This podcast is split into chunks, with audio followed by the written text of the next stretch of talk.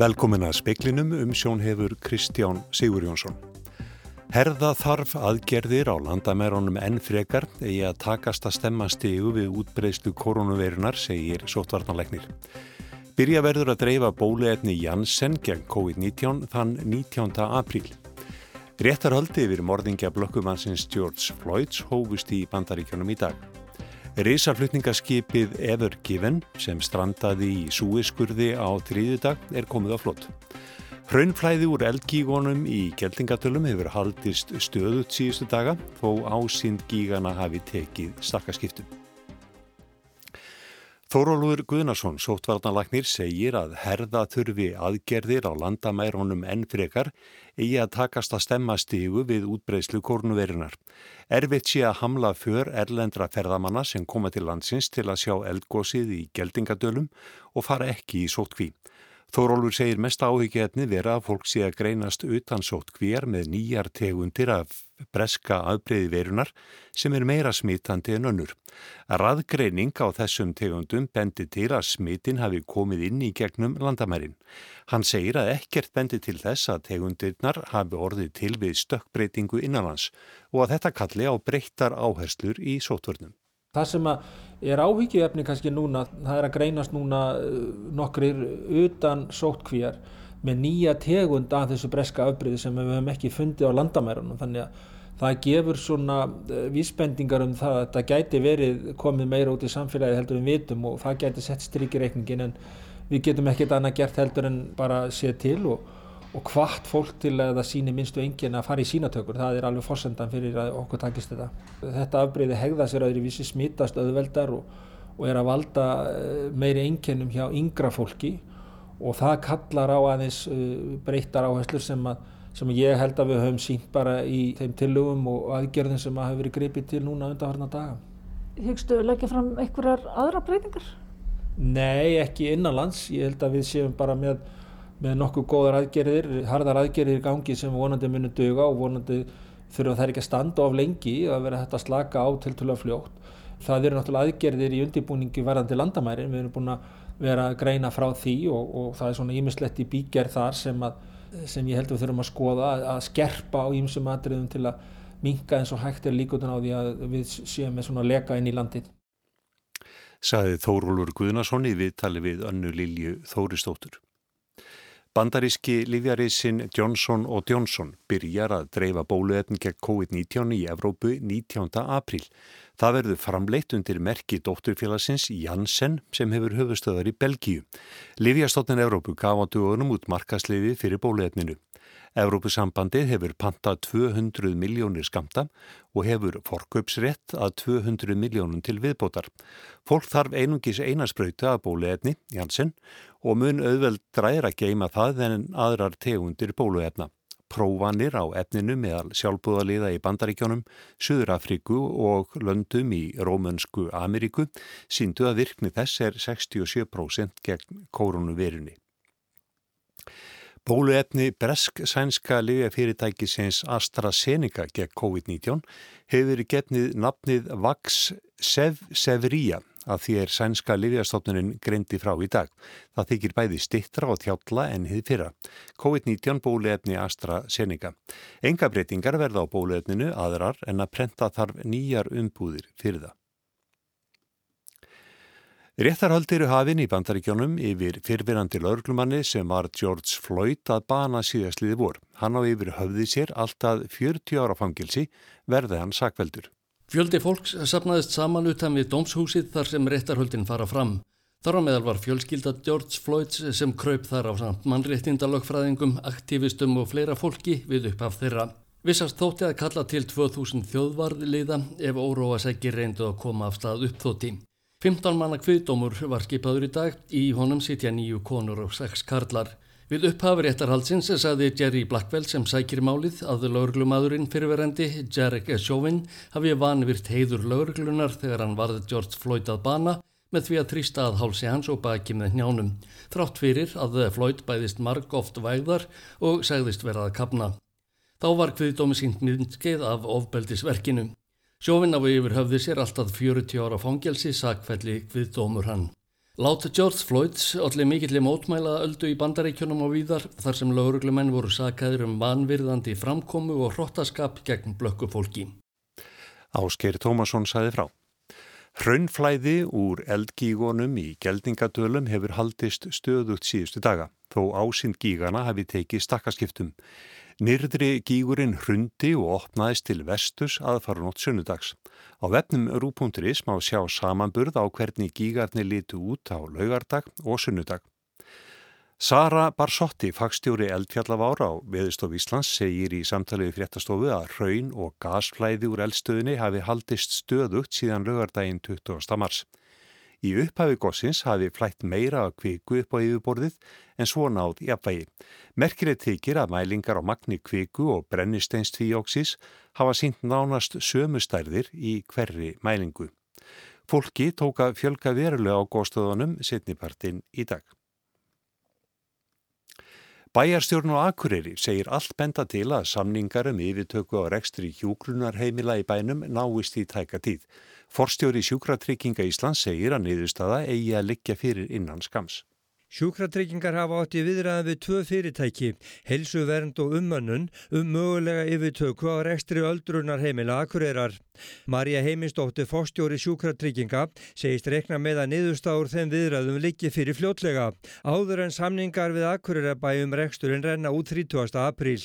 Ástildu Sturdudóttir bæjastjóru á akureyri segir funda reglulega með sjúkratryggingum um þetta mál og staðan metin út frá þeim upplýsingum sem þar komi fram þar er aðlega bara mjög bjassinir að það klárist, þannig að við bindum vonið við það að þetta klárist hrætt árugla. Eru þetta einhvers konar samninga vera við, við bæin eða fyrst og fremst upplýsingarfundir eða hvað? Það, þetta eru bæði upplýsingarfundir og samningarfundir. Við þurfum náttúrulega að segja með viðskilnað á, á rekstrinum og hvernig yfirtaka verður og sömurlegis varandi húsnaðis og búnaðamál, þannig að það er fjölmart sem við þurfum að ræða á þessum fundum. Hún segir afar mikilvægt að þessu fara að ljúka svo yfirtakan geti gengið eðlilega fyrir sig. Já, það er það og aðeinslega er alveg sammálum það og aðeinslega er líka sammálum það að reyna að láta þetta ganga hrætt og öruglega. En eh, tíminn líður hrætt og við þurfum að klára þetta sem fyrst. Þetta var ástildur Sturludóttir, Ágúst Ólarsson talaði við hana. Rísaflutningaskipið Ever Given sem strandaði í Súeskurði á þriði dag er komið á flott. Í nótt tókst björgunamönnum að losa skutt þess og snúa því rétt átt. Um klukkan tvö að íslenskun tíma í dag tilkynntu ekki skifvöld að búi væri að losa það. Skipunu verður silt á breyðari staði í skurðinum þar sem kannaverður hvort það hefur skemst við björgunar aðgerinnar. Björgunarmenn þurftu að móka 27.000 rúmmetrum að sandi frá Evergifin til þess að dráttarbátar gætu komið því á flott. Hundru skipa sem hafa beðið við báða enda skurðarins geta þar með silt um hann að nýju. Tali er að það taki um þrjá og halvan sólaring að koma umferðinni í samt lag. Settur umbósmaður alþingis gerir yngar aðtóasendir við úrskuru dónsmálaráðunitisins sem snýri við ákvörðum þjóðskrár í málistúlku sem vildi kenna sig við móðu sína en ekki föður. Umbósmaður segir hagsmunni barðs geta vegið þingra en hagsmunni foreldris sem er andvíkt nafnabreitingu. Móður stúlkunar óskaði eftir því við þjóðskrá fyrir tveimur árum að dóttir hennar fengi að breyta nafninu á þann veg að hún verði kent við móður sína en ekki föður. Í umsókninni kom fram að stúlkan hefði ekki verið í sambandi við föður sinn frá því hún var þryggjára og verið ósátt þegar hún sá nafn föður sín standa við nafnsett í vegabrifi sínu. Þjóðskrá hafnaði beðninni og taldi skýlirðum um mannanöfn ekki hafa verið fullnægt. Maðgurnar kerðu þá ákvarðin til dómsmálaráðunetisins sem konstað öndverðri niðurstöðu og gerði þjóðskrá að verða við óskum breytingu og kenninafni stúlkunar. Fadir stúlkunar kvartaði til umbóðsmanns vegna úrskurðar ráðunetisins Hann taldi ráðuneytið ekki hafa leitt vilja stúlkunar nægilegi ljós og einungi segðu leið fyrir orð móður hennar og undirritun stúlkunar á umsókninni. Umbóðsmaður gerir engar aðtjóðasendir við úrskurð ráðuneytisins og bendir meðal annars á afstöðu umbóðsmanns barna um að kenninöfn barna skipti máli fyrir sjálfsmynd þeirra og þau vísi oftast til tengsla barns við föður og eða móður. Hann nefnir að kenninöfn geti haft neikvæð áhrif á sjálfsmyndbarna og jafnvel valdið vanlíðan. Þetta geti átt við þegar að umrætt foreldri hefur haft lítil, engin eða neikvæð samskipti við barnið.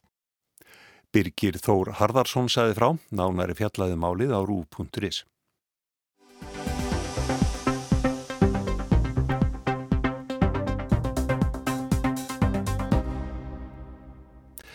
Skarpiðin Berg Steinarsson, ferðamálastjóri, segir að bregðast þurfi rætt við að byggja upp innviði í nágrenni jarðeldana í geldingatölum. Útlýtir fyrir að staðurinn verði fjölsóttasti ferðamannastaðilansins næstu misserinn, óháð því hvort góshaldi þar áfram eða ekki. Aðsóknin og áhugin meðal Íslendinga sé mjög mikill og hálgert lán í óláni að erlendir ferðamenn eigi tæplega kost á að sjá gósið um þessa myndir vegna sóttvarnan aðgerða á landamerunum. Ferðamálastofa hefur talið hversu margir hafa lagt leið sína fótgangandi að góstöðunum undanfartandaga með sérstökum teljurum við gönguleiðina. Já, það voru 5.600 mann sem að fóru sem sínum náttúrulega áhugan á þessu það sem við höfum áhuga að gera og settum upp teljarnir fljótt eins og við, við gátum það er að sjá bara hvernig þessi trafík er að þróast og ekki bara um milli daga og heldur líka innan dagsins. Þetta er teljari sem að telur fólk niður á klukkustund mjög öflugur og góður mæli þannig að það er ekkert að ruggla mikið í honum. En sko að sjá ferðamannastað verða til og hvernig trafíkin er, hvaða er sem að fólk er á eftir og hvernig þetta dreifist yfir daginn þá er svo greinilegt að að flesti sem þanga fara eru að reyna að ná góðsunu bæði í dagspörstu og myrkri mest trafíkin á mótnana og síðan á kvöldin. En það er líka áhugavert á þannig að þessu var lokað á nóttunni hvaða er mikið trafík á nóttunni. Þetta höfum við allt saman skráð núna. Hver er annars ykkar aðkoma að því að gera þetta svæði aðgengilegt fyrir alveg? Sko þegar að svona verður til skindilega þá er mjög margt sem að þarf að einhvern veginn að hjálpa til með og auðvitað eru það þeir sem er á vettfangi, landegundur, sveitafélagið sem svona einhvern veginn situr uppi með þetta. Og það sem við höfum verið að reyna að gera er það að reyna aðstóða eftir því sem að hægt er þá sem að eru að vinna í þessu. Og það er þrengt sem við höfum gert, það er í fyrsta lagi það sem við kemur framkvæmt sjóði fennamannastaða og það eru framkvæmt sem bærin hefur þurft að fara í og fyrir helgi að þá, þá lág fyrir að það væri um 10 miljónir sem, sem þurft að fara þannig bráðbara framkvæmdir og ferðamálar á þar ákvaða að nota peninga sem er í sjónum. Í öðru lagi þá er það ímislegt sem varðar upplýsingamidlun, það þarf að ebla upplýsingamidlun þetta tekur það tíma að koma því einhvern veginn í gang. Og við erum að vinna í því með markastofur Reykjanes og síðan, síðan hérna í þriðalagi eru svona hlutin eins og þessi teljari og og reyna einhvern veginn að ná yfir sín yfir það sem að gerast þarna. En eins og með alla áfangastæði að þá eru það heimamenn fyrst og fremst sem að eru í framlýninni og okkar hlutverk er að bakka það upp. Hvernig er með landeigundur á þessu svæði? Geta eigendur rukka þarna inn eða hvernig er samstarfið við þá hátta? Já, það er náttúrulega alltaf einhver sem á þetta. Í þessu tilfelli er það aðeila sem eiga þetta svæði nú veit ég ekki nákvæmlega hvernig því er fyrir komið þeir, þeirra hópi en þau alltaf, inn sitt upp með það að eiga þarna eldgós sem er mikill áhugi á því að heimsækja.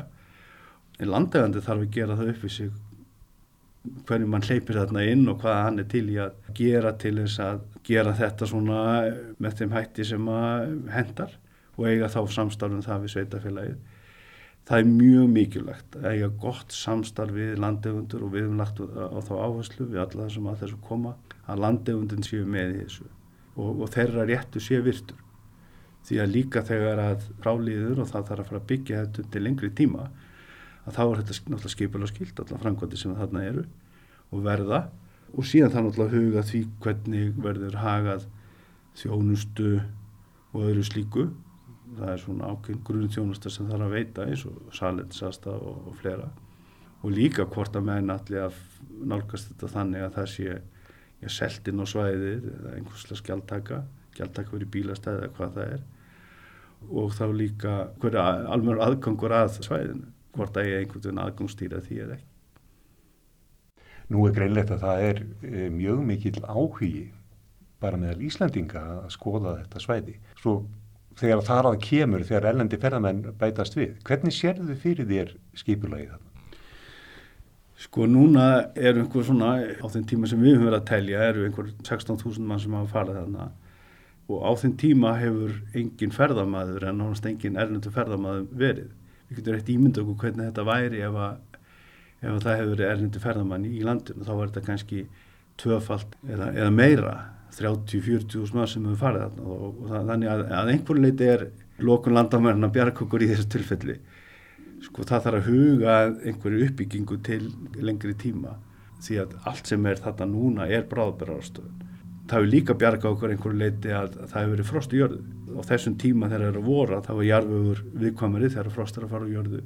Núna á næstu dögum verður hlýra, það verða einhverja 5, 6, 7, 8 gráður í pluss og það múið gera ráð fyrir því að þessi aðkoma muni breytast á meðan það er. Nú hafa björgunarsveita menn staðið þarna vaktina og stýrt og stjórnað. Er þetta ætlast til þess að björgunarsveitum að þær verði í þessu endalust? Nei, alveg klárlega ekki og þess vegna er svo mikilvægt að menn fara að huga því sem fyrst. Hvernig þessu uppbygging þarf að verða til þess að taka á móti þeim fjölda sem að þarna getur verið. Ef að það gengur eftir að þetta sé góð sem muni endast jafnvel einhver ár þá verður þetta klálega og verðum klálega mjög fjölfarnin ferðamannastæður og jafnvel svo fjölfarnast í hér á landi og aðstæðan þarf að vera í saman með það. En þó að það slökn og góðsum einhvern tíma næstu mánuðum að þá verður þetta samt sem áður fjölfarnin ferðamannastæður. Þetta er nýjasti hlut til landsins. Þarna verður greinilega hægt að sjá hvernig, hvernig land verður til hvernig góðs kemur upp og öll svo magnaða saga sem hægt er að segja þarna um og alla kringustöðu þurfa að vera réttar. Þannig að það þarf strax að fara að huga því hvernig við byggjum upp, hvernig verður þetta að gera þetta sómasamlega, þannig að ímislegt af því sem við þekkjum undarfærin ár í ferðamannastöðum sem hafa vorið til, svona nánast upp úr engu, að sá vandraðagangur um orða svo endur tæki sig ekki. Heimamenn, hvaða möguleika sérðu að þeir hafi að nýta sér þessa stöðum? Ég held að heimamenn hafi fjölþægt á möguleika á því að, að nýta sér þetta. Þetta er þannig að íms þjónusta veitingar, gistið þjónusta, leðsögn, aðgangsstýring og þjónusta í kringum þetta allt saman sem eru gríðari tækifæri fyrir heimamenn. Þarna nálagt er, er fjölfærtnasti ferðamannastöðar landsins, Bláalónið, þannig að ég held að sé mjög bjart framundan í, í ferðarþjónustu á þessu svæði með þau tækifæri sem að felast í þessu. En þá er svo mikilvægt að koma því inn í einhvern þann farveg og umgjörð, þú nefnir björgunarsveitamenn það er bráðbæra ástöðun getur aldrei orðið annað en bráðbæra ástöðun þannig að það þarf að koma upp einhverju fyrirkommalagi þar sem er ekki þörf á, á neyðaraðgjörnum sem felast í því að björgunarsveitamenn sé að vinna þarna dag og nótt. Mm. Hefur trúið að það verið hægt að gera þetta sóma samlega? Óttastu eitthvað guldgrafaræði til þetta? Nei, nei, sko, gullgrafaræði eða ekki, sko. Ég vona svo sannarlega að heimamenn geti notfætt sér þetta byggt um einhver aðstöðu og, og haft að þessu atvinnu og það þarf að finna út af því hvort að og hvað fyrirkomulega á gjaldtöku eða ekki gjaldtöku muni duga til þess að halda uppi þeim innviðum sem að þarf að vera í kringu svona stóran ferðmannastad. Þetta eru fleiri ferrkilometrar sem að þarna eru undir. Þannig að það að halda utan svona stað og byggja hann upp og og tryggja það að þeir innviði sem þarna þurfa að vera séu til staðar einhvern veginn þarf að fjármagna þá og einhvern veginn þarf að reka þess aðstöðu. Og þetta er ísastórt verkefni sem heimamenn standa fram með fyrir og ég gerir á fyrir því að það sem að ríkið er með í þessu getur bakka það upp. En það eru heimamenn sem er í bílstjórasætinu og, og þannig verður það að vera. Þú myndist hérna áðan á svona eili framhjálöpi á aðra staði sem að hefði svona orðið óvænt já, komið upp á yfirborði. Hvaða staðir eru það? Já, margi þekkja dæmiðan um kirkjufell við Grundafjörð sem að bara allt ínum fór að byrtast á, á samfélagsmiðlum út um allan heim og, og þá fórum við að, að kunna meta það stórkostlega fjall mest ljósmynda það fjall á Íslandi alveg öruglega alveg stórkostlegt til að horfa á dástað. Nú það er önnur hvernig fjæðrárgljúfur skyndilega var komið á kortið eftir að ellendur tónlistamæður fór þarum og notaði myndbönd og síðan síðast en ekki síst stuðlagil fyrir norðan en norðaustan hvernig það verður til á, á stuttum tíma og þar er þó að það sé uppbygging þar núna að þá er hún, fór hún kannski ofsint að stað. Það eru vexum merki um þvæling ferðamanna utan slóða sem að mun taka nokkur langa tíma að gróðu upp. Þar voru við ofsint að ferðinu með uppbyggingu en, en hún er sannlega gangi núna. Þannig að svona staðið þegar einhvern veginn poppa upp, nánast upp úr hengu en þannig er bara ferðarþjónustan. Þannig er, er þessi magnaða náttur okkar sem að ferðamenn, bæði innlendur og erlendir, eru að njóta og, og vilja heimsækja. Þannig að þetta er líka svona ákveðin veikleik í okkar kerfi að einhvern veginn bregðum stundum dólti sent við. Og ég vona að það sem er að gerast þarna söður frá, okkur takist einhvern veginn að bregðast hraða við. Sagði Skarpíðin Berg Steinarsson ferðamálastjóri og það er rétt að árétta talan sem Skarpíðin endi upphæði pistilsins 5.600 manns er fjöldin sem fór fótgangandi að jærðeldunum á einum degi í gær, sunnudag. 16.000 manns hafa farið að góðstöðunum síðustu sjö daga, samkvæmt talningu ferðamálastofu.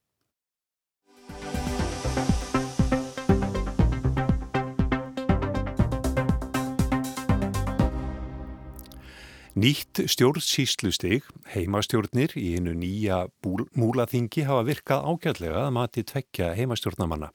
Annar hefur þó áhegjur af auknu flækjustigi í stjórnsýslu og hinn hefði viljað að heimastjórnir hefðu aðeins meiri völd og svo liti fér til rástöfunar.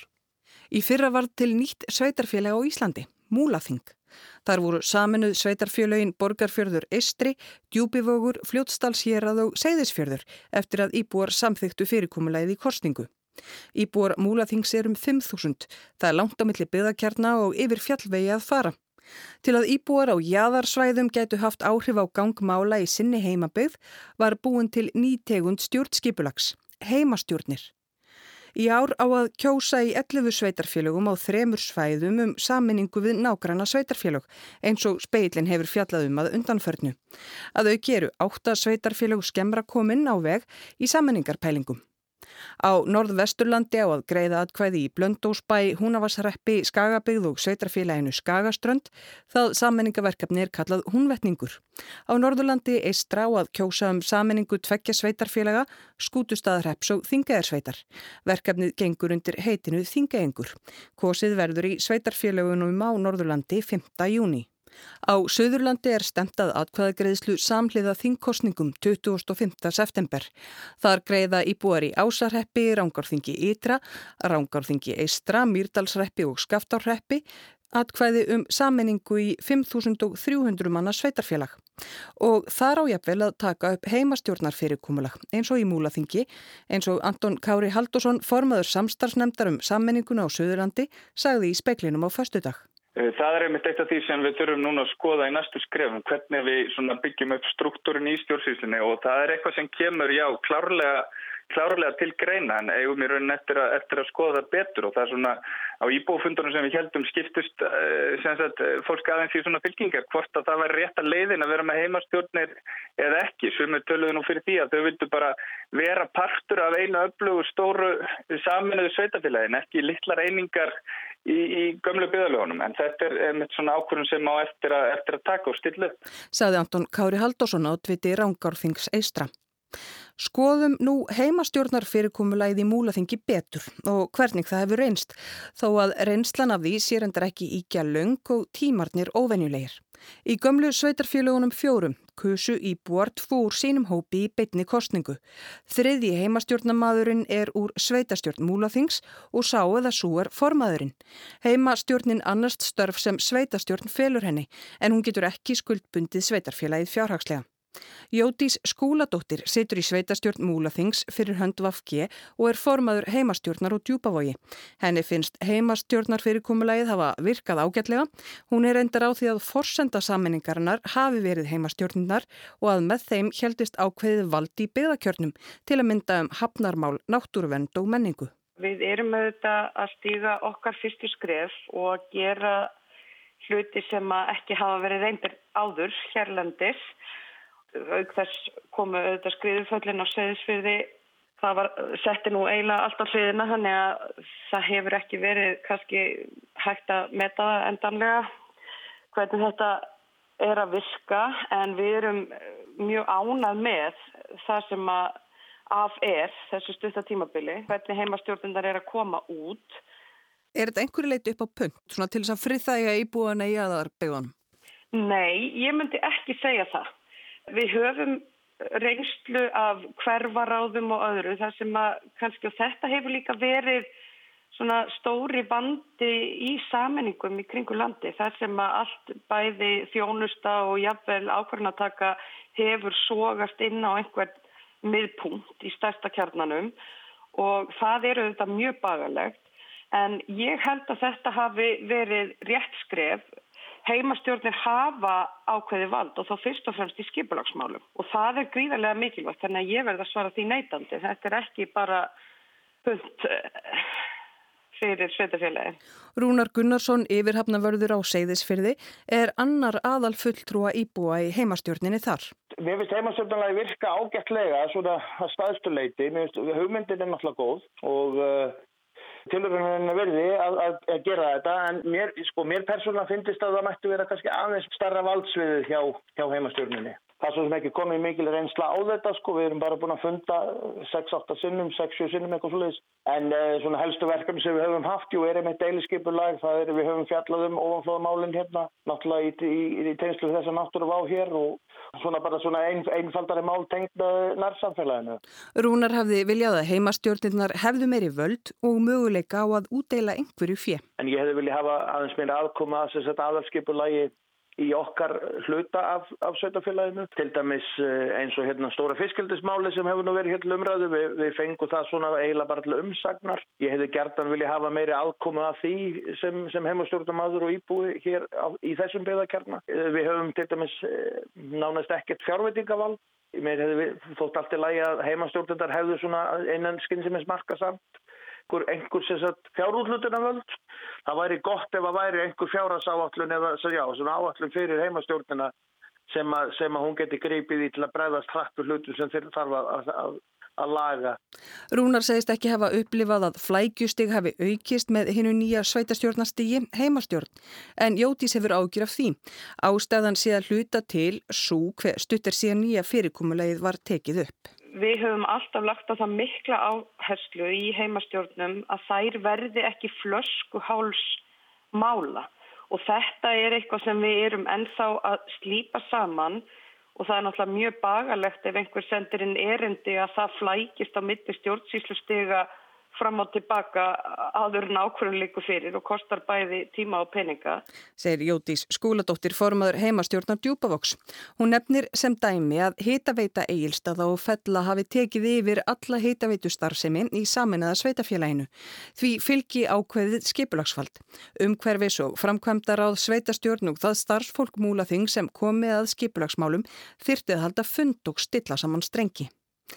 En hvað með saminninguna í heild? Rúnar Gunnarsson, heimastjórnamaður á Seyðisfyrði, segist heyra bæði ánægu og óánægurattir í bænum en honum finnst hún hafa gengið mjög vel. Góð samvinna milli byðakjarnar. Það er kannski sínið sér best í þessu ástandi hérna eftir skriðuföllum í desember að, að þetta stóra sveitafélag var mun betur í stakk búið til að takast á í þessar hörmungar sko. Segðisverða kaupstar hefði líklega verið í vandraðum sko. Jótís tekur í sama streng og minnir á að skriðuföllin á Seyðisfyrði hafi verið stórbrotnar náttúrhamfarir sem hafi sett byggðalagið algjörlega á hliðina. Fólk hafi mist heimili og atvinnuhúsnæði auk þess sem ástandið hafi verið ótryggt og þurft að rýma aftur.